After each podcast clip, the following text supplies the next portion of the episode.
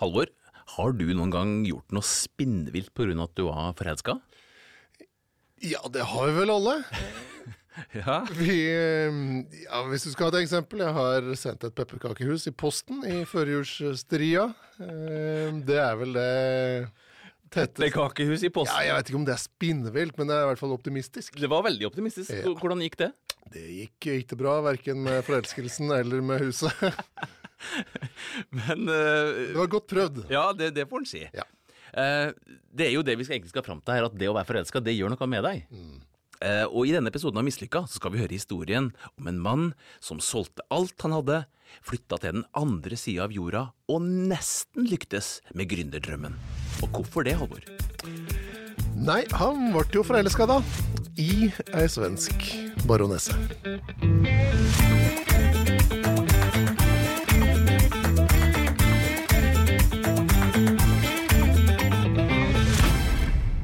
Velkommen til Mislykka, podkasten som tar for seg store og små mislykka prosjekter. Jeg heter Oda André Sivertsen, og i studio så er jeg med meg min kompanjong eh, Halvor Haukerud fra Motarbeider. God dag. Du er fortsatt profesjonell motarbeider, er du ikke det? Jo. Hva trengs for å bli en god motarbeider? Ingenting, egentlig. Og det er vel det som er definisjonen. Det er bare å møte opp uten at du helt veit hva du driver med. Så er mye gjort. Det er jo veldig bra. Eh, Humor er viktig. Eh, Det kan mye, komme mye godt alvor ut av humor, ikke sant? Ja. Og det er det vi prøver på i denne podkasten her òg. For det er jo tross alt ikke så lett å brette ut historier om det å ha mislyktes og ha gjort feil. Men vi skal gjøre et forsøk. Og det skal være sagt at ingen som har gjort et ærlig og redelig forsøk på å oppnå noe, vil komme dårlig ut av det hos oss. Ikke her, nei. Nei. Nei, nei. Her skal vi løfte folk opp og fram som har uh, klinka til og gjort en innsats, uansett åssen det hadde gått. Eh, Men vi skal jo vurdere akkurat hvor mislykka forsøket var, da. Eh, For man må, jo, eh, man må jo være i stand til å ikke ta det så alvorlig, det at man har feila. Man skal ta det alvorlig, det man gjør. Altså, Vi mener ikke at folk skal kaste seg på huet ut i noe liksom bare for å ta kvelden. Nei. Eh, men eh, vi skal se litt nærmere på hva det som egentlig foregår. Vi skal eh, til og med forsøke oss på å gi litt karakterer på litt sånn, hva skal vi si, kvalitativt grunnlag. Vi skal ta for oss visjon i prosjektet, og hva er motivasjonen i det, gjennomføringa, åssen er det organisert. Har man kalkulert noe risiko, eller bare smelter man huet i veggen for å se åssen det gikk? Og på det grunnlaget så skal vi eh, lage en briljant mislykka score. En slags indikator på om dette her var et håpløst mislykka prosjekt, eller om det rett og slett var fantastisk briljant mislykka. Ja, så, så håpløst, det, det er null, ikke sant? Og hvis scoren blir ti, så er det altså det vi kaller et briljant mislykka forsøk. Eh, da var det kjempebra at eh, prosjektet ble starta i det hele tatt, til tross for at det gikk på snørra. Og den som skal fortelle om den følelsen av å gå på snørra i denne episoden, det er deg, Kjetil Kalager. Du er siviløkonom i, i utgangspunktet. Eh, I dag er du leder og rådgiver for forretningsområdet Artificial Intelligence Lab. Du må nesten fortelle meg hva du er. Jeg sitter som leder for en avdeling i et stort selskap, hvor vi forsøker å finne mening i data eh, ved hjelp av kunstintelligens, maskinlæring, eh, avansert statistikk. Ja. Eh, Så, så da bruker man typisk disse løsningene i, innenfor helsevesen eller innenfor markedsføring, eh, eller på de appene som du har på telefonen din, så er det veldig mye kunstig intelligens. Ja. Og, og det å få det til, det er ikke alltid like lett, og, og det er min spesialitet i Nextbridge. Akkurat. Så Nextbridge er der du jobber i dag, og det går bra med businessen, eller? Det går veldig bra. Det, vi, har, eh, vi har eh, 15 data scientister, som det kalles, som, som jobber med å utvikle disse prosjektene for våre kunder. Men eh, dette går jo altfor bra i I dag ja. går det bra. Du, du skal fortalt- eh, fortelle en historie om uh, eh, Altså, utgangspunktet her var at du var forelska. Er det som startet det hele. Fortell litt om det. Jeg var jo en, en, en sånn typisk siviløkonom som gikk den, eh, den brede sti og, og hadde gode, sikre valg i hele livet mitt. Og, og følte på et tidspunkt at nå ble det ble ikke så veldig spennende. Og jeg hadde alltid en liten drøm om å starte for meg sjøl. Men så traff jeg da gjennom jobben en, en svensk baronesse. Ja. Det høres jo veldig fancy ut. Da er vi i mål. Det var, eh, det, det, var, eh, det var utrolig spennende, og det var en helt annen kultur. altså Bare baronesse og, og svensk, sant? det er jo kulturclash de luxe. Eh, men, men det var det som tirret meg, tror jeg. Uh, og uh, vi, vi drev og, og, og, treftes litt sånn innimellom, men det gikk surt. Jeg greide ikke helt å, å ta det skrittet i den retningen hennes, men ble værende på det kjedelige norske traustesporet. Okay. Ja, og i protest så reiste hun til Afrika. Jaha. Ja, For hun hun var egentlig klar for en eh, norsk eh, økonom. Ja. Økonomen var ikke klar for svensk baronesse. Så Nei. Så, så hun, eh, altså, hun var da av alle ting i slekt med Karin Blixen. Og Karin Blixen hun, hun var jo denne store Afrikareisedamen som, som hadde en, en farm i Afrika, og, og det var veldig sånn rosendødt og søtt, det hun holdt på med. Og, og min baronesse hun, hun gjorde det samme. Hun reiste til Afrika og tenkte at hun skulle ja, redde litt uh, løver og dyr, og, og ved siden av at hun skulle være en, en, en, en, businessdame. For det, ja. det var hun. Hun var en businessdame. Ja. Men, men Hva slags business uh... ja, det var IT det også, da. Ja, altså, eller eh, IT-analyse, som, som er liksom vår felles eh, passion. Ja. Men så dro hun altså da til uh, Sør-Afrika, og du satt igjen. Jeg satt igjen. Um, jeg fikk meg en jobb i Coca-Cola, hvor jeg jobbet i Østerrike. og etter hvert så tok jeg litt kontakt med henne, eller litt kontakt, jeg tok kontakt med henne.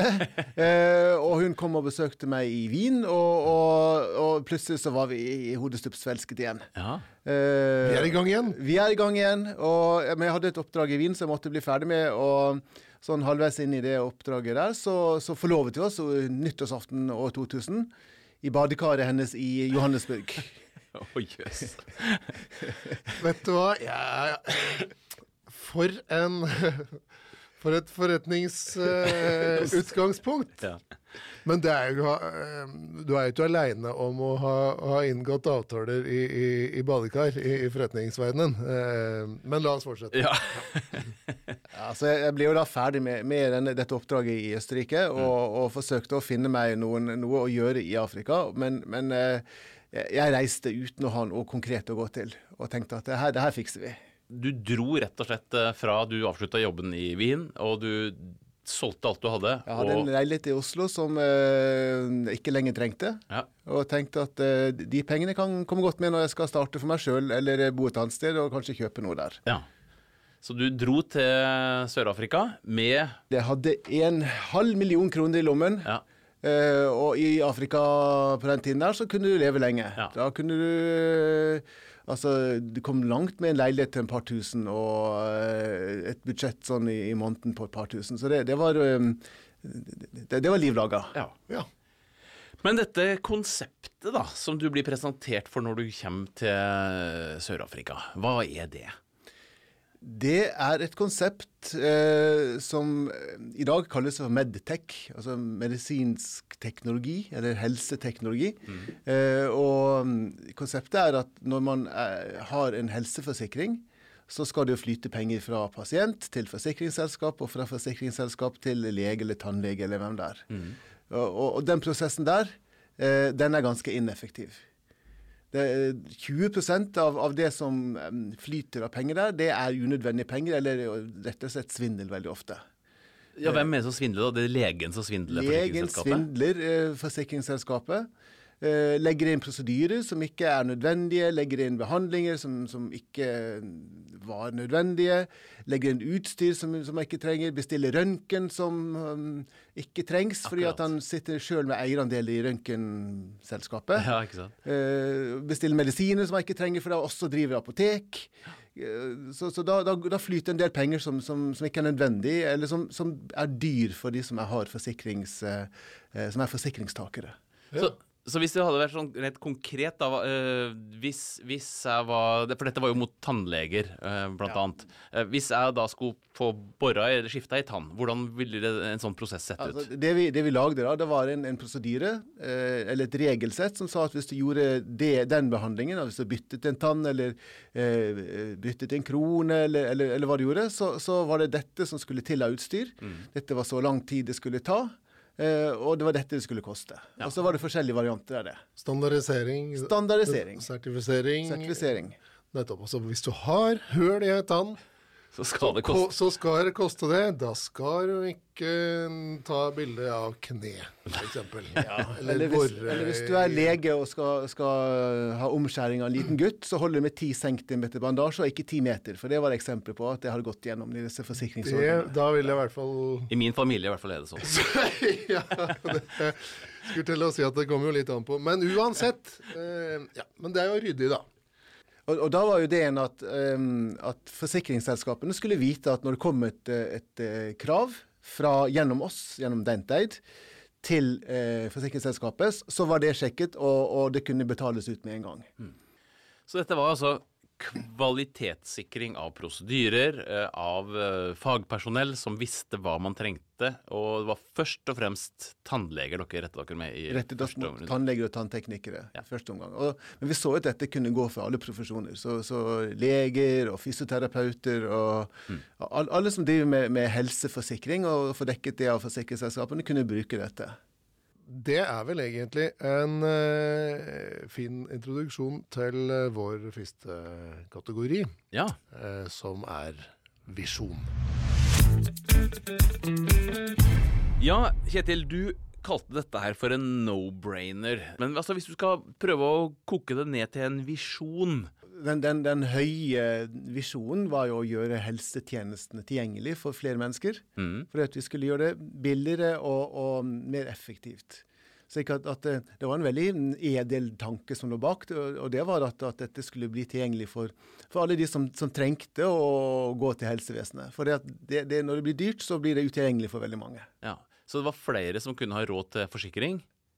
Og legene ville vel også profitere på det? Og leg, legene ville slippe å bruke tid på mye administrasjon. De ville slippe å bruke tid på å sitte og klø seg i huet på hvordan de skulle få eh, skrive disse prosedyrene. Mm. Og de ville slippe å bruke tid på å, å jage etter forsikringsselskapene for å få de pengene de mente de hadde rett til. Og forsikringsselskapene? Unnskyld, Halvor? Ja, Forsikringsselskapene vil jo også da etter hvert eh, betale ut mindre og, og bruke mindre tid på å sjekke disse kravene som kom inn. Mm. Så det var liksom alle, alle ledd, alle, alle i denne kjeden ville tjene på dette. Denne standardisering av tjenester innebærer det å da behøre kvalitet på de tjenestene som ble Kvalitet, kvaliteten skulle være klinisk korrekt. Altså, og den skulle ikke være overbehandling og ikke underbehandling. Mm. Så altså, vi har et system som eh, hever kvaliteten. Det er til glede for pasientene, som får billigere forsikringer. Det er glede for legene, som får raskere utbetalt pengene sine. Og forsikringsselskaper som unngår svindel. Hva med deres uh, inntjening, da? Uh, det må vel også være en del av visjonen? Ja, vi hadde jo noen fine regneark uh, som, som viste at, at vi, vi, vi ville tjene ganske gode penger på dette her, Ja. med, med våre marginer. Og selvfølgelig så var vi avhengig av å ha litt store volumer. Eh, så, så det var ganske morsomt å sitte med disse regnearkene og se, se hvor mye penger vi, vi kunne tjene. Og særlig hvis vi gikk inn i flere profesjoner og pre, flere land. Ja. Ja, fordi dette her by, altså dette er jo en, eh, Dette kan jo eh, Dette kan utvides. skaleres. Ja da, Dette ja gjør jo ikke bare en, en, en liten flekk eh, lengst Altså, vi fikk så mye penger, vi. Eh, I teorien. At vi, vi begynte å I å- teorien. Ja, Ja. At vi begynte å se på hvordan vi skulle greie å, å få disse pengene til å flyte effektivt mellom land. Ja, Ja, ja, ja. Dere har allerede sett på det, liksom? Cayman, Cayman, I- Cayman Islands var, var, var det mye snakk om her. Ja. Ja da, og, og det var uh, innfløkte strukturer av selskaper her som skulle lages. Så Et det- så- konglomerat, et konsern. Ok, og Ja. til dere som sitter, til dere som sitter og, og hører på nå, eh, første notat. Hvis man da begynner å notere Cayman Islands og Excel-regneark i, i, kolonna, så da må du ringe i hvert fall én kan du ringe Kjetil. bitte liten bjelle. Ja, eller så kan du ringe Kjetil. Bedre helsetjenester til alle, det er jo et uh, samfunnsnyttig Ja, prosjekt. Så vi er jo på, på sånn eh, Vi jobber på samfunnsnivå. Ja, dette her er et, en visjon på samfunnsnivå, egentlig. I tillegg til selvfølgelig at dere kan tjene penger på det. Så jeg tenker jo at sånn karaktermessig eh, så er jo dette Det åpner jo egentlig for Det åpner for alt. For vi, Ja. vi tenker jo at sånn for å få maksscore på, på en visjon i, i, i vårt karaktersett, så må man opp på, på, på samfunnsnivå. Vi, Ja, men hjelper hvis jeg sier det at vi også hadde planer om å støtte masse lokale initiativer og, og gi helsetjenester til de som ikke hadde råd til det. Altså, vi skulle bruke av vårt store overskudd til, til samfunnsnyttige mål. Hjelper det litt? det, ja, det, ja, men det hjelper masse. Altså, Ja, ja. Men du er allerede allerede på samfunnet. Altså, du, Ja, ja, ja. Du, du, du får ikke noe mer enn maksscore. Vi har vel landa på en uh, sjuer her, vi. Fin, fin sjuer. Det er, en, det, er- det er en god karakter, altså, Kjetil, så du må ikke bli skuffa så tidlig i programmet. Jeg hadde håpet på at dette skulle bli briljant mislykket, dere, men Ja, ja, ja. ja, Alt er briljant. Alt, Alt er briljant.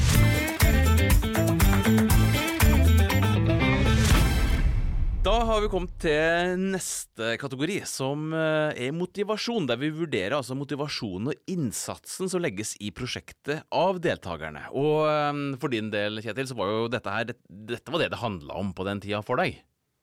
Ja, altså etter at eh, forelskelsen bare nesten var gått over, og hun hadde mm, hevet meg på dør Ja, Ja, vi- Åssen gikk det?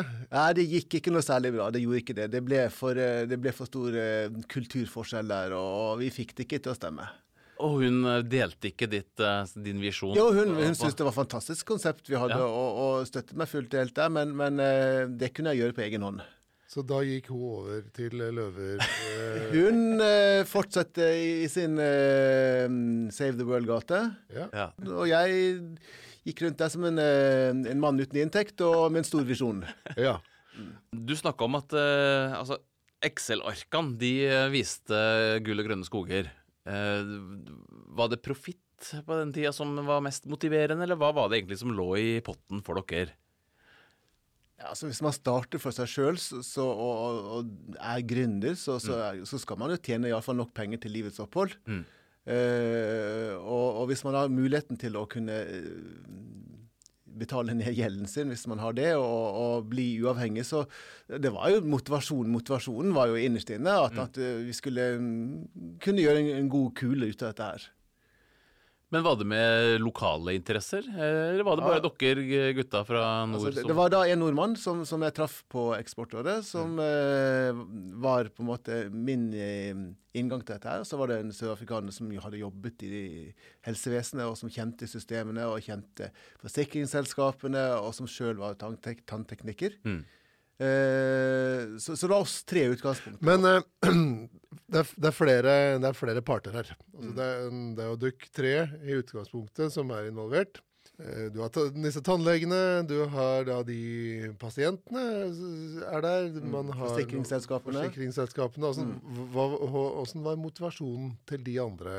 Eh, Ja, altså vi, vi, vi sjekket jo ut konseptet da med eh, først og fremst eh, tannteknikerne og Ja. tannlegene, og, og de syns, syntes dette var fantastisk. De var lei av å kjempe med forsikringsselskapene. Så de, de, var også, de var villige til å være med på noen piloter for å se at alt her virket. ja. Vi hadde møter med forsikringsselskapene, og de sa dette ser spennende ut. Hvis det fungerer, så kan vi være villige til å rute våre forsikringskrav gjennom eh, det systemet. Mm. Vi, må, vi må først eh, teste det ut, selvfølgelig. Men så har du jo investorer, da. Dere skulle jo ha penger, for du har du har jo egentlig ikke noe inntekter her i begynnelsen. Ja. Så dette må jo selges til eh, noen som har penger til å drifte det i første fase. Ja, altså vi var jo avhengig av å, å, å få laget denne programvaren, og vi var avhengig av å betale for lokaler og, og noen få ansatte. Så hvordan var liksom eh, motivasjonen der? Eller altså, innsalget, gikk det Klarte dere å skape entusiasme rundt prosjektet? Altså, Jeg er jo siviløkonom, så jeg lagde jo en fantastisk forretningsplan med visjon og misjon og målsettinger og strategier og Excel-ark i opp- og ned og vente, Så det så veldig bra ut. Ja. Eh, men det er jo alltid et eller annet som, som, som ikke som, som er som den ene nullen i regnearket som gjør at alt annet bare faller sammen. okay, ja. Og, og en av nullene var jo at vi hadde ikke inntekter. Nei. Eh, og en av nullene var at vi hadde ikke, eh, vi hadde ikke noe å finansiere det her med. Så, så, så vi gikk ut til, til eh, flere investorer. Ja. skjønte fort at bankene ikke kunne finansiere det her. fordi de må, de må, altså Skal noen finansiere noe, så må de se en inntektsstrøm. ja. De vil se den. De må se den, ja, og det må helst være eh, i form av at den finnes, eller i form av at den er garantert gjennom en avtale som du har med, med, med noen. Ja. Altså, det er tydelig at ikke det smitter sånn entusiasme da, på investorene, fordi at det mangler eh, en, en, en inntekt. Eh, men dere sjøl i organisasjonen er jo veldig positive. Eh, dere har liksom stå-på-viljen og, og er villige til å legge ned mye for å få dette til å lykkes. Samarbeidspartnerne er jo gira. Ja. Eh, altså forsikringsselskap, eh, leger eller tannleger, altså de som skal Mhm. bruke De er Så alle altså, det, det, det oppleves som det er mye motivasjon som er i samme Mange vil oss vel, mange vil at dette skal lykkes. Ja, og, og man går i samme retning. Ja. Ja. Så her er det heller ikke noe håpløst uh, mislykka prosjekt. Her er vi også på, godt på plussida. Eh, skal vi uh, sette en karakter, Halvor? Ja, vi er jo litt sånn Og på dette området her altså er Dette er det bra. Ja, det er kjempebra. Man er jo enig om at dette, med, kanskje med unntak av noe avventende eh, invest, investorer, så er man jo så tenkt at vet du hva, vi ruller i gang. Så jeg tenker at vi skal på en karakter nummer sju. Ja. Uh, og vi går videre til gjennomføring. Selve gjennomføringa av prosjektet, det er jo ofte der egentlig prosjekta krasjer, da. Det må vi jo si. Og um, du har beskrevet, Kjetil, at i den første fasen så var det mye arbeid, men ikke noe særlig med penger inn. Det er nok best å ha pengene før man begynner å, å bruke dem. Det, det Ja. er vi nok enige om. Bare tenke på hva man lærer på, på Handelshøyskolen og BI, liksom. Ja, jeg tror jeg lærte det på skole. Jeg tror jeg gjorde det. Ok. Det trenger ikke å være dine penger, Nei da, nei. nei. men noen penger Ja. eh, Altså, jeg hadde jo noe penger i bakhånd, da, så, Ja. så jeg, jeg trodde at jeg hadde en liten, sånn, en liten mulighet for å, å kunne eh, ta litt av egne midler. Mm. Men, men på annen side så, så um, var det dumt å tømme det fullstendig altfor tidlig. Og jeg så også at det var for lite til å kunne som, å få det her skikkelig i gang. Vi er avhengig av å få inn andre, andre mennesker til å finansiere oss. Men fikk dere noen i det hele tatt? Vi, vi fikk inn en såkalt eh, investorgruppe som ble kalt for en Black Empowerment-gruppe. Og, og for å kunne drive si hva, hva, hva Black ja. Empowerment, altså for å kunne drive business i Afrika, eh, og særlig Sør-Afrika hvor det har vært apartheid, så var man avhengig av å kunne eh, få balansen tilbake når det gjelder svarte-hvite. Mm. Eh, og, og det å ha en, en svart gruppering på, eh, i styret, eh, og som kom inn med noen, noen midler, gjorde at man eh, lettere kunne eh, få business. Da kunne man lettere få finansiering, man kunne lettere eh, få kunder. For at sikkert alle, alle styrene, alle, alle selskaper hadde en viss andel av, av svarte. Mm. og uten, uten å ha det på, på laget vårt, så, så ville vi ikke komme langt. Så vi fikk inn en, en Black Empowerment-gruppe som, som gikk inn i vårt styre, og som, som tok en, en ganske kraftig andel av selskapet for å, for å være med. Eh, og det gikk også inn med et lite beløp, som gjorde at vi kunne på en måte holde hjulene i gang. Ja. Men ikke nok til, å, nok til å, å, å klinke til og utvikle den programvaren som vi ønsket. Så vi måtte, vi måtte sammen med denne gruppen da gå ut og jakte mer penger. Det er sultefòring på en måte hele tida, akkurat bare sånn at det, du får med flokken til å jobbe videre. Ja, og jeg måtte betale av egen lomme lønn til de ansatte nå og da, for at de skulle være med videre. Og så er det jo her, En av de springende punktene er jo nettopp at dere må få en programvare til å virke. Ja, vi, vi tok kontakt med noen programvareutviklingsselskaper, men så at, at det- å betale dem, og kanskje på forhånd også før de begynte å jobbe, det hadde vi ikke penger til. Så, så da eh, Det endte opp med at, at det var en, nok en, en svensk eh, tusenkunstner i baronessemiljøet som, eh, eh, som kunne hjelpe oss med å lage denne programmet. Men jeg tror, Svensk tusenkunstner i baronessemiljøet. Ja, så denne, denne svenske IT-mannen som vi fikk til å lage dette systemet på, eh, på, på kveldstid okay. eh, han, eh, han gikk i gang, og, og det gikk et par måneder, og han kom ut da med en, en, en pilotprogram som, som vi begynte å teste ut. Og den, den var eh, ikke god nok. Den, den, den var full av feil, og, og vi kjørte den på våre ta- tannteknikere, og de sa at dette fungerer jo, men mm. så, så vi så det at her må det, her må det sterkere lut til, her må det kraftigere programmering til. Så hva var, egentlig, hva, hva var drømmen på det tidspunktet her, da? Og skulle dere hatt en haug med programmerere egentlig som hadde fiksa dette? Var det det? Ja, vi engasjerte etter hvert et nytt IT-selskap som, som kom inn på en, også en sånn eh, sweat equity. Altså man svetter litt, og så får man en liten andel av selskapet, og så får man betalt når vi får programmet til å virke. Ja. Eh, jeg var litt redd for at vi skulle eh, dra det for langt. At, det, hvis det sitter ti mann i, i to måneder og, og lager noe, og så har vi på en måte ikke fått noe, eh, fått laget noe som gir inntekter, så kunne vi risikere å få et ras av sinte mennesker løpende etter oss. Så jeg satt bremsen litt på der. Kanskje, kanskje skulle jeg ha sluppet løs og sagt at nå klinker vi til og men, men jeg følte at min partner kanskje var litt vel optimistisk på hva vi skulle få til, uten penger. Men så øh, dukker det opp noe penger, eller i hvert fall utsikter til penger, kan du si. Hva, hva, skjer? Ja, altså Endelig så får vi napp på en investor, og, og vi, vi eh, Hvordan skjer det? vi, vi var jo daglig rundt og snakket med ulike mennesker og brukte nettverkene deres. Og så kom vi over da et selskap som hadde et, en finansieringsmetode som gikk ut på at man fikk eh, penger fra noen sånn utviklingsfond som, som var, var øremerket Afrika, og, og disse pengene da, de skulle hentes fra Singapore.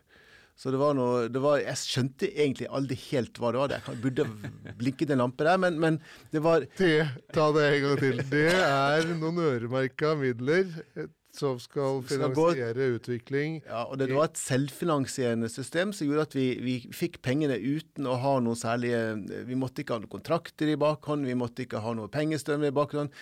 De, de brød seg lite om forretningsplanen vår, de bare tok oss på face value. Akkurat. Er Hva hva snakker vi om her? Jeg får jo noen no, det, det får jo, Mine tanker dras til noen eh, e-poster som jeg av og til får om at uh, Jo, men nå var det vi som skulle få penger. Ja. Vi skulle ikke gi penger. Så det, Ja, ja. Og, og vi hadde en, advo, en renommert advokat inne. Uh, Han sjekket det opp og ned og mente, og, og, og det var denne advokaten som, som skaffes, skaffet oss disse pengene. Eh, og vi skrev under på avtaledokumenter, og eh, vi skulle få 30 millioner dollar. 30 millioner dollar. Det Mye mer enn det vi trengte, men det skulle vi få. Og, og vi, vi skulle ikke bry oss noe særlig om hvordan vi skulle betale tilbake igjen, for de pengene de skulle vi få på konto relativt raskt. Hvorfor trenger vi 30 millioner dollar? Jeg ser spørsmålet bobler ut av Ja. det her. Men, men altså, for det, det, neste, det neste var nå Hvor mye trengte du ja, egentlig? vi, trengte, vi trengte ikke mer enn en par-tre millioner dollar. Nei. Nei, sorry, kroner. Ja. Vi trengte jo en liten 300 000 dollar trengte du. Ja, vi Så fikk du 30 ja, millioner. trengte- ja. Det var, Men, eh, det var noen som tulla med nullene her. ja, altså Hva skjer med dere da, når dere får dette tilbudet? Ja, da, da drar jeg på ferie. For det, dette, dette, var, dette var så for godt til å være sant, så nå kunne jeg endelig, etter å ha jobbet eh, i godt over et år med dette, så tenkte jeg at nå kan jeg reise og feire min mors eh, 65-årsdag eh, på Gran Canaria, og min partner skulle få smile hele veien til banken. Ja. Men altså, det, det ga jo noen nye muligheter sånn rent forretningsmessig, det å ha så mye penger på bok. Ja. For at, altså, det, vi da fant ut, at nå kunne vi begynne Nå er det på tide med nye regneark, tenkte Nå, er på tide med nye, nå var regnearkene de var, de var for små. eh, og mulighetene var nå enorme. For hvis man tenker på bank altså Det bankene tjener penger på, det er jo, det er jo um, at de kan låne ut pengene mange ganger. Til eksempel, altså de kan, hvis de har 100 kroner, så kan de låne til 100 mennesker. Eller kanskje ikke 110, iallfall. Mm. Um, og de får renter på de pengene de låner ut. Så vi kunne gjøre det sånn. Vi kunne begynne med factoring. Vi kunne istedenfor at legene, tannlegene, da får pengene når forsikringsselskapene har betalt, Ja. så kunne de få pengene med en gang. Eller etter noen dager. Ja. Og så kunne vi ta og betale Med et lite fi? med et lite fik på en prosent eller tre. Mm. Ja. Og, og da hadde vi penger til å betale dette. Eh, Og hvis du tar eh, en par prosent på noen beløp som du sitter og holder på i eh, en, en liten uke, kanskje, og begynner å se på hva det gir i, i rente på et årlig basis, Ja. så da ble, det, da ble vi mangemillionærer og milliardærer ganske fort, altså. Det var ganske lett å ta opp regnearka for Cayman Island igjen. Da var det, måtte vi virke Vi var også i kontakt med noen som skulle hjelpe oss med å sette opp selskapet Cayman Island da dette kom opp. Da, da, ja. Men det kostet også penger, så vi Ja, måtte jo vente med det til vi hadde fått pengene. Ja. Så det, det, det skjedde ikke med en gang. Men altså, dere får rett, rett og slett en ny businessmodell inn fordi at dere har en fantastisk finansiering plutselig. Eh, og så drar du på ferie. Så drar jeg på ferie og ringer hver dag til min kollega i Sør-Afrika for å høre om hvordan det går. Men det som skjer da i mellomtiden, og det er at, at eh, sørafrikanske regjeringen stenger all inn- og utførsel av penger. Fordi at det var en, eh, en luring eh, som hadde begynt å, å handle i valuta i rand, sørafrikansk rand. Og, og, og han greide da å, å eh, ødelegge valutakursene. De gikk dunken, slik at, at eh, businessen i Afrika begynte å lide. Og Da fant de ut at nå må vi stoppe dette her. Og, og det har skjedd en eller to ganger i verdenshistorien tidligere, at, at man har på en måte stengt, stengt inn- og utførsel av penger. Uh, og våre penger satt jo da i Singapore. Så pga. valutaspekulasjon så stenger sørafrikansk regjering eh, innførsel og utførsel av penger til landet. Av dollar, Og iallfall. dollar, og dere sitter der med 30 millioner dollar som skal komme fra Singapore. Singapore. Så vi ringer til Singapore og hører hvordan det går, og de sier at sorry, men eh, pengene er her, men eh, det må vente til vi kan få lov å sende dem til Sør-Afrika. Ja. Men dere skalerer jo da i denne perioden opp på en måte både forretningsplan og eh, er det f- ansetter dere folk, Ja, da eller hva? vi, vi ansetter eh, flere markedsfolk som skal hjelpe oss med å få kunder. Vi ansetter en ny IT-direktør. Eh, lover dem eh, gode lønner. Og, og eh, denne IT-direktøren han, han begynner heldigvis da ikke, for da, da eh, eh, Eller heldigvis og heldigvis. Han begynner, ikke, han begynner ikke før han ser at vi har pengene i, i boks. nei. Mens denne markedsdamen hun, hun begynner å, å bli ganske sint på oss når hun ser at pengene ikke kommer inn. Så fort som vi hadde lovet. Vi lyver, sier hun. Ja. Så, så vi leter jo litt med lykt og lupe, etter hvordan vi skal mm, kunne få, mer eh, penger inntil disse 30 millionene eh, kommer. Mm. Og, og da tar vi disse tre F-ene som, som vi uh, har lært. Det er da um, Friends, Family and Other Fools. ja, riktig. Ja. Så, så jeg, hadde, jeg hadde noen venner som gikk inn eh, og, og la inn en 20 000-30 000 kroner, og fikk noen aksjer i selskapet mot det. Ja. Eh, min far gikk inn med noen penger. Family. Min mor gikk inn med noen penger. Fools Fools. Det, så det fikk vi ikke til. Det er der det skorta. Men altså, det, det er jo sånn at finansieringen altså, Dette blir nå et, et, et jag etter å prøve å finne finansiering, men dere får ikke napp hos bankene. De tradisjonelle som man kanskje går til først, de har på en måte stengt ja, døra. vi, vi må gå da etter andre finansieringskilder, og vi går etter samarbeidspartnere som, som vil gå inn med penger, og kanskje med noe kompetanse. Så vi finner jo noen som har lyst til å, å investere i oss, og som, som vil innlemme oss i sitt IT-selskap. Eh, og de gjør en due diligence på selskapet og, og, og bruker ukevis på å finne ut eh, hvordan forretningsmodellen vår egentlig fungerer. Eh, og sjekker programvaren. Men de får kalde føtter og, og, og går ut. Så, så vi som Hvorfor det? Nettopp pga.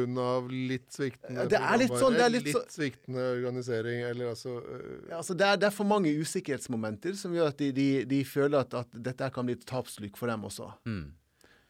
Så det begynner å bli litt sånn ullent her nå. Altså det, det, dere prøver i mange retninger. Dere klarer ikke å finne liksom, den rene forretningsdrifta. Det dere driver med, eh, faktisk skaper rene inntekter. Det blir isteden et jag etter å skaffe finansiering Altså og Vi forsøker å holde fokus på å, å, å skaffe avtale med forsikringsselskapet. Og vi fikk jo en kjempeavtale avtale med, med politiets forsikringsselskap. Ja.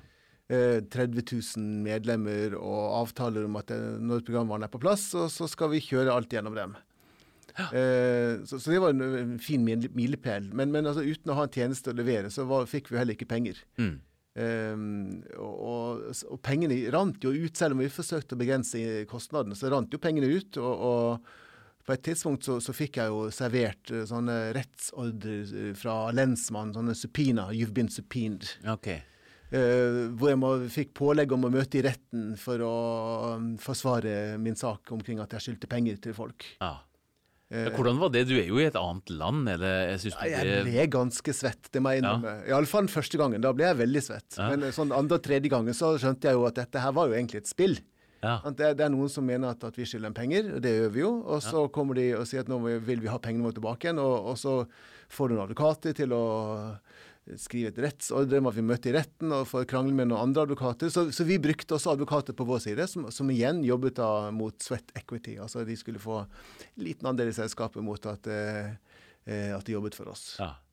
Mange små andeler etter hvert. Mange små andeler, så vi begynte å vanne ut selskapet ganske mye. Eh, Halvor, hva skal vi si om gjennomføringa?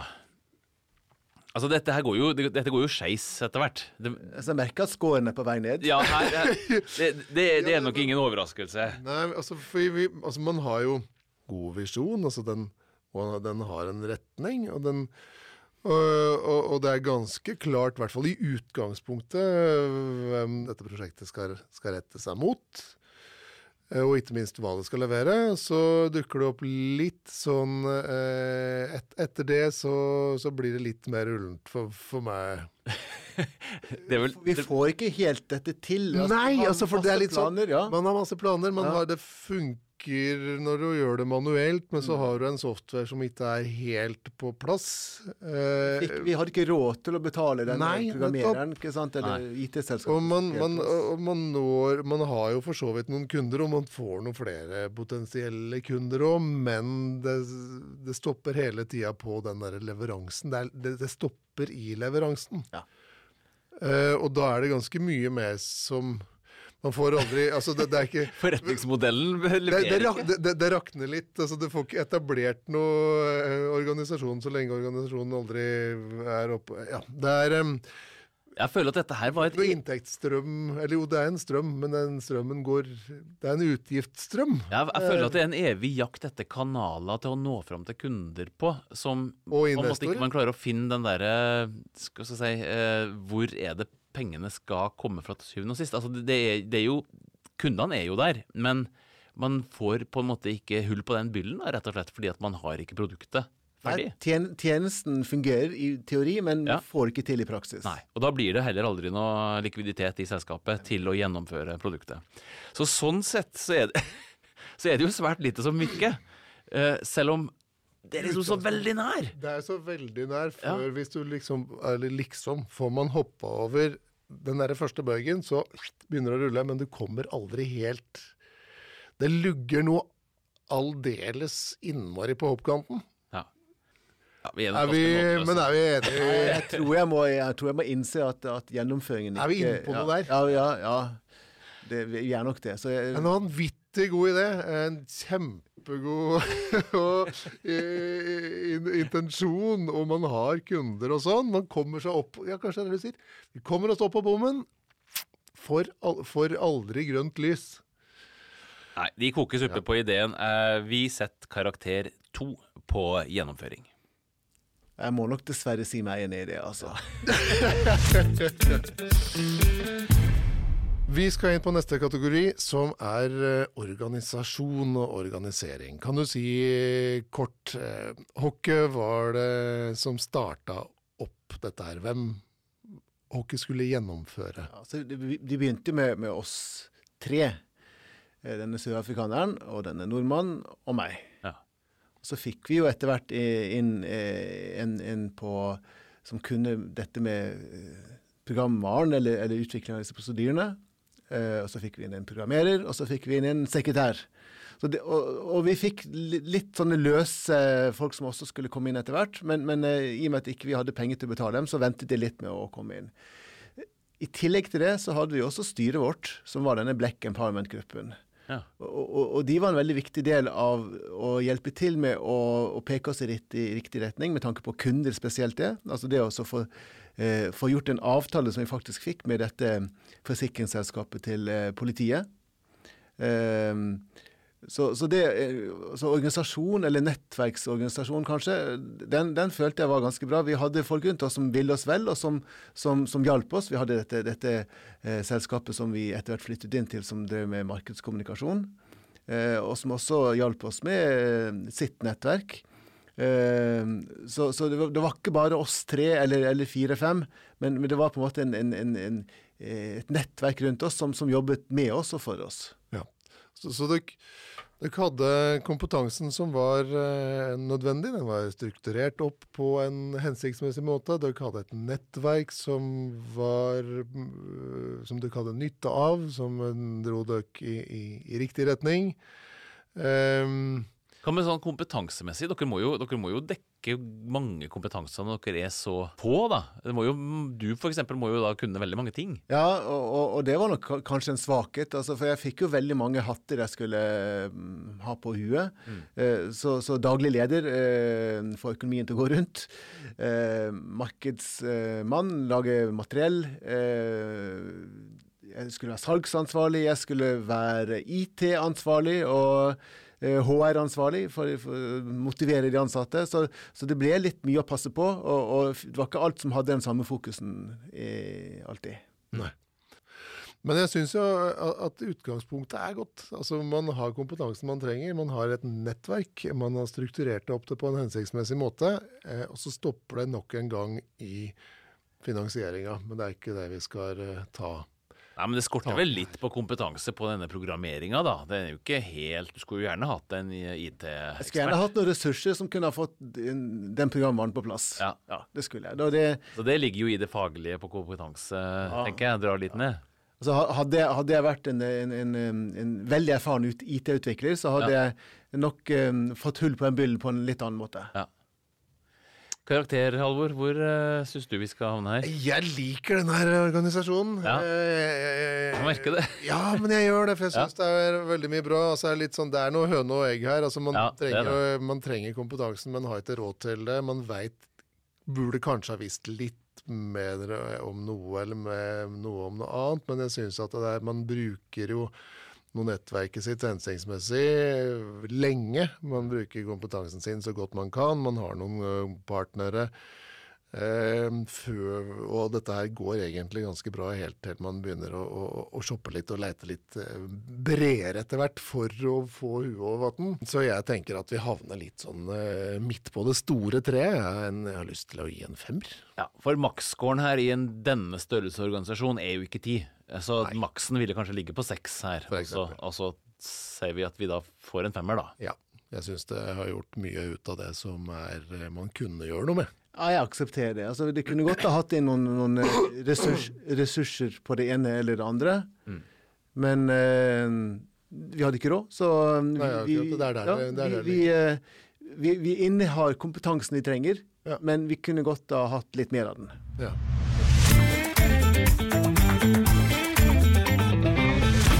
Vi skal over i eh, neste kategori, som handler om risiko.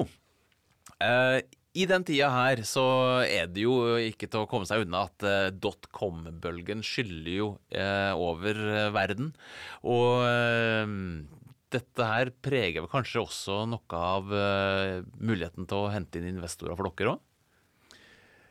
Ja, det var en dårlig timing. Det ja. var det. Altså, jeg, jeg, trodde nok at det skulle være lettere å få inn penger, særlig med alle de gode historiene om hvordan folk hadde fått penger på um, helt ville ideer. Ja. Uh, men vi følte at vi hadde et veldig godt konsept, og, og det var uh, samfunnsnyttig, og, og, vi hadde entusiasme rundt oss. Uh, jeg hadde litt penger. Så, så, jeg følte at risikoen ikke var for høy, men, men det viste seg jo å være veldig vanskelig. så om det var utslag av uflaks eller av for høy risiko, det er litt vanskelig å bedømme. Men, men hvis man ser på Eh, denne overoptimismen vi hadde med tanke på å, å, å, få gjort ting eh, uten penger, mm. Så var det kanskje litt vel høy risiko. Så eh, jeg driver litt og sånn, er usikker på om jeg er enig med meg sjøl på, på risikotagningen her. Ja. Vårt utgangspunkt her er jo at vi ønsker jo ikke, og vi gir ikke høye karakterer hvis eh, ikke det har vært litt risiko. Eh, vi vil ikke ha risikofrie, eller vi vil heller ikke ha skal si, hodestups kjempehøyrisikoprosjekter. Vi syns at det beste er hvis man har hatt en kalkulert eh, vurdering av hva risikobildet er, da. Og årsaken til det er at vi ser eller, en sammenheng mellom risikoen og eventuelt gevinst da, i andre eh, mm. Altså, jeg, jeg, må jo innrømme at en av mine mål var jo å, å kunne tjene go godt med penger på dette her. Eh, regnearkene tilsa jo det. Ja. så, så, så, håpet var jo der, så jeg tok jo en sjanse der. Det gjorde jeg så absolutt. Mm. Men det er jo ikke så mye penger i potten, for å si det sånn. da. Eh, du stiller med din private halvmillion, men likevel, det er ikke sånn at dere har eh, eh risikert kjempemye på vegne av masse folk. fordi at eh, det er jo mer at dere jobber og jobber og jobber for å klare dette her til slutt. Så, så hvis vi skal se på risikobildet, så handler det mer om egentlig hva er det for slags faktorer som gjør, eller som er kritisk for prosjektet deres. Det å ikke skaffe penger, det er jo kritisk det å få inn penger fra dag én, det er veldig viktig, har jeg skjønt. Mm. Så, så, det å starte opp noe uten å vite helt nøyaktig hvor pengene kommer fra, det er, det er ganske dumt. For det er, det, er, det er, høy risiko. Det er høy risiko. Ja. Og det preger vel egentlig eh, karakteren her eh, også. Eh, for vi syns at eh, det er for Altså, det er jo lett å være etterpåklok på dette her, da, men altså det, det fantes da en del risikofaktorer som var helt kritiske for uh, gjennomføringa, som gjør egentlig at uh, totalrisikoen blir veldig høy, da. Uh, og Spørsmålet er om hvor mye av den som var kalkulert. Nei, altså kalkulasjonene endret seg underveis. Altså I begynnelsen så var det, så var det risikoen lav for at de skulle få penger med en gang. Mm. Eh, men jeg tok nok ikke en sånn rekalkulering underveis på al- altså gjorde en, Man bør egentlig stoppe opp og si sånn Er dette fremdeles liv laga etter eh, en måned eller et halvt år eller et år? Men sånn, da er det sånn sunken kost, og nå sånn, tar du den, så tar du den. Og, og da, var jeg som, da var jeg kommet i gang og følte at jeg hadde investert såpass mye at, at nå var det for dumt å gi seg. Um, men når man holder på i fire år på den måten der, så, så, så burde man kanskje ha stoppet opp litt tidligere. Altså Hvis jeg skal oppsummere eh, risikobildet her, så ligger det jo det ligger flere skal vi si, eh, ting i potten som det er ganske stor sannsynlighet for skal inntreffe. Altså, For det første så opererer en med en eh, organisasjon som trenger kompetanse for å utvikle programvare. Hvis ikke han klarer det, da er det jo egentlig både organisasjonen og teknologien som egentlig det finnes en risikofaktor her for, som er sannsynlig skal skje. Klarer de ikke å få på plass programvaren, så er det kritisk for prosjektet. Da vil det rett og slett gå under. Så mangler det finansiering. Har ikke klart å skaffe det til veie heller. Altså, det må jo ha vært overveiende sannsynlig hele tida at de ikke skulle klare det heller. Og det òg er jo helt uh, skjebnesvangert for selskapet. Så jeg tenker at det ligger flere risikofaktorer her, der alle er det stor sannsynlighet for skal skje, og alle vil medføre at uh, firmaet går under. Og da tenker jeg at da skal vi ganske lavt på uh, rangeringa. Jeg kan være enig i det. Sjøl om jeg syns at vi skal si Vi må jo kunne si at på, på teknologisida så ligger det en usikkerhet i potten som et utgangspunkt, som en forutsetning. Det er egenarten. Det, det, det er jo noe med Så det å være gründer. Den ligger nå der. Ja. Så har man organisasjonen, og man, man har en del kompetanse som ligger eh, på plass. Man har et nettverk, man har noen muligheter, og jeg syns det i utgangspunktet benyttes godt så lenge det varer. Ja, ja. så skorter det til slutt på, som du sier, Det blir dødelig, rett og slett, når ikke de får pengene inn, i hvert fall. nettopp. Ja. Så det er jo den største, den viktigste faktoren, eh, som det hele tida var en fare for skulle skje. Så Vi havner på nedre halvdel. ja da. Eh, skal få, siden du mista forloveden på veien, Kjetil, så skal du skal jeg heve deg fra en toer til en treer, da, skal vi si det sånn. Karakter tre i risiko. Vi skal på siste, og kanskje viktigste punkt, Ja. læring. Mm. Eh, Var det verdt det? Ja, det var verdt det. Jeg har, eh, jeg har opplevd veldig mye. Jeg har, eh, jeg har fått være gründer. Det, det er noe som har ligget og, og klødd i magen veldig lenge. Jeg har vært eh, forlovet med en baronesse. Det var en opplevelse i seg selv. Jeg, jeg har altså, bodd i Afrika og sett masse av Afrika. Ja. Opplevd andre kulturer.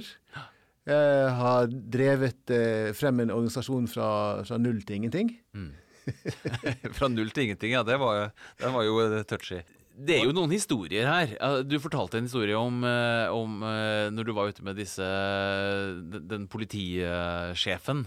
Ja, altså, ja. det, du har jo hatt noen opplevelser. Fortell, det- fortell den.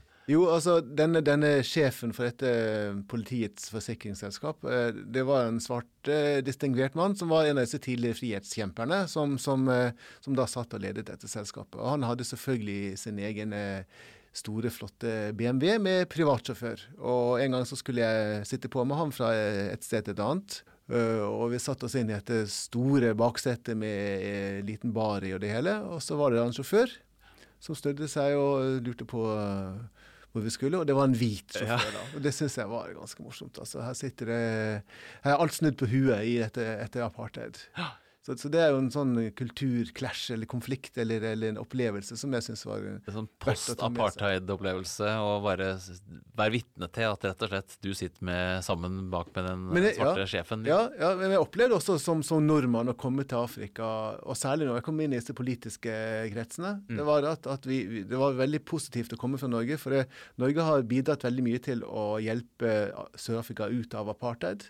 Eh, så, så, så, så, det hjalp faktisk i forretningen å si at, at det var et norskbasert selskap. Ja. Da, da, åpnet det seg noen dører. Sånn gründermessig, eh, forretningsmessig, hva lærte du? Ja, den viktigste læringen er at før du starter noen ting i det hele tatt, så skal du ha god kontroll på inntektene dine. Altså, Jeg ville aldri nå starte et selskap uten å vite hvor pengene kommer fra. Enten om det er en månedlig inntekt, eller at det er en, en avtale du har skrevet under og, og som garanterer at du sitter med finansiering. Mm. Starte opp noe uten å ha de tingene på plass, det er risikabelt. Og det var vel den risikoen jeg ikke så så tydelig da. Du har eh, lært eh, noen ting på veien. Hva med de andre, dine medoppstartere? Hva går de igjen i verden i dag? Vet du det? Ja, Min norske kollega han, han reiser fremdeles verden rundt og, og, og holder på med sånne oppstartsselskaper. Eh, han har kodene som jobber i, eh, i utenrikstjenesten. Mm. Eh, min sørafrikanske kollega, han, eh, han skylder meg penger, så han får jeg ikke tak i. ok. Men eh, en ting er jo hva dere lærte, eh, alle sammen. Men eh, det er jo noe med hvordan kan du gi dette her tilbake til folk? Eller dra nytte av på noen måte? Jeg sitter som leder for en avdeling i et stort selskap. Ja. ja. Og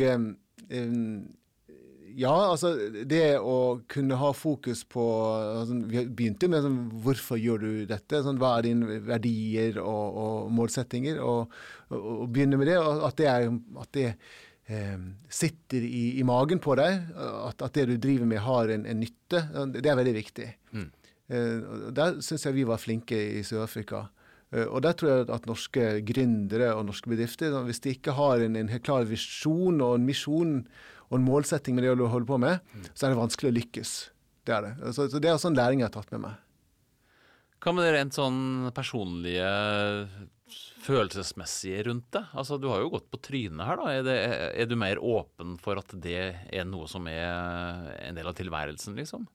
Jeg må si at uh, når jeg treffer mennesker som, som, tør å satse, og som tør å starte opp selskapet, så har jeg veldig stor respekt for det de gjør. Mm. For jeg vet at det er veldig mye hardt arbeid.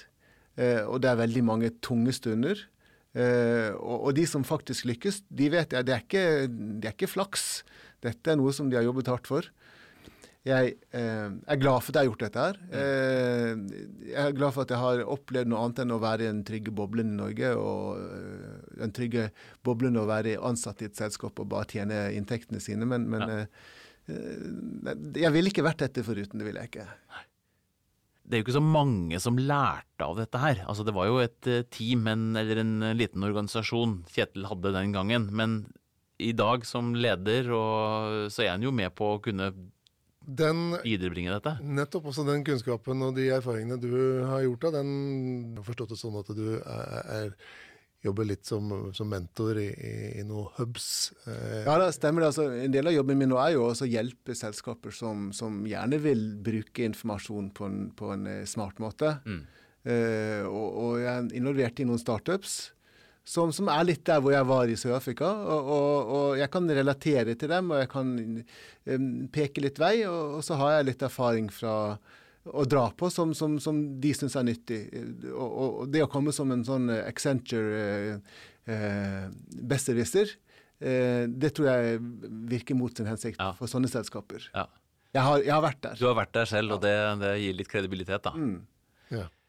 Nei, det er det jeg mener, at da har, den da har vi løfta den læringa opp på et helt annet nivå mm, enn mm. til de tre stykkene som satt der eh, nede og, ja. og, lurte på hvordan de skulle løse eh, et verdensproblem. Ja, jeg, jeg jobber jo med innovasjon. Og innovasjon var jo det vi holdt på med der, selv om det kanskje ikke var så veldig eh, teknisk innovativt, men det var i hvert fall tjenestesmessig innovativt. Ja.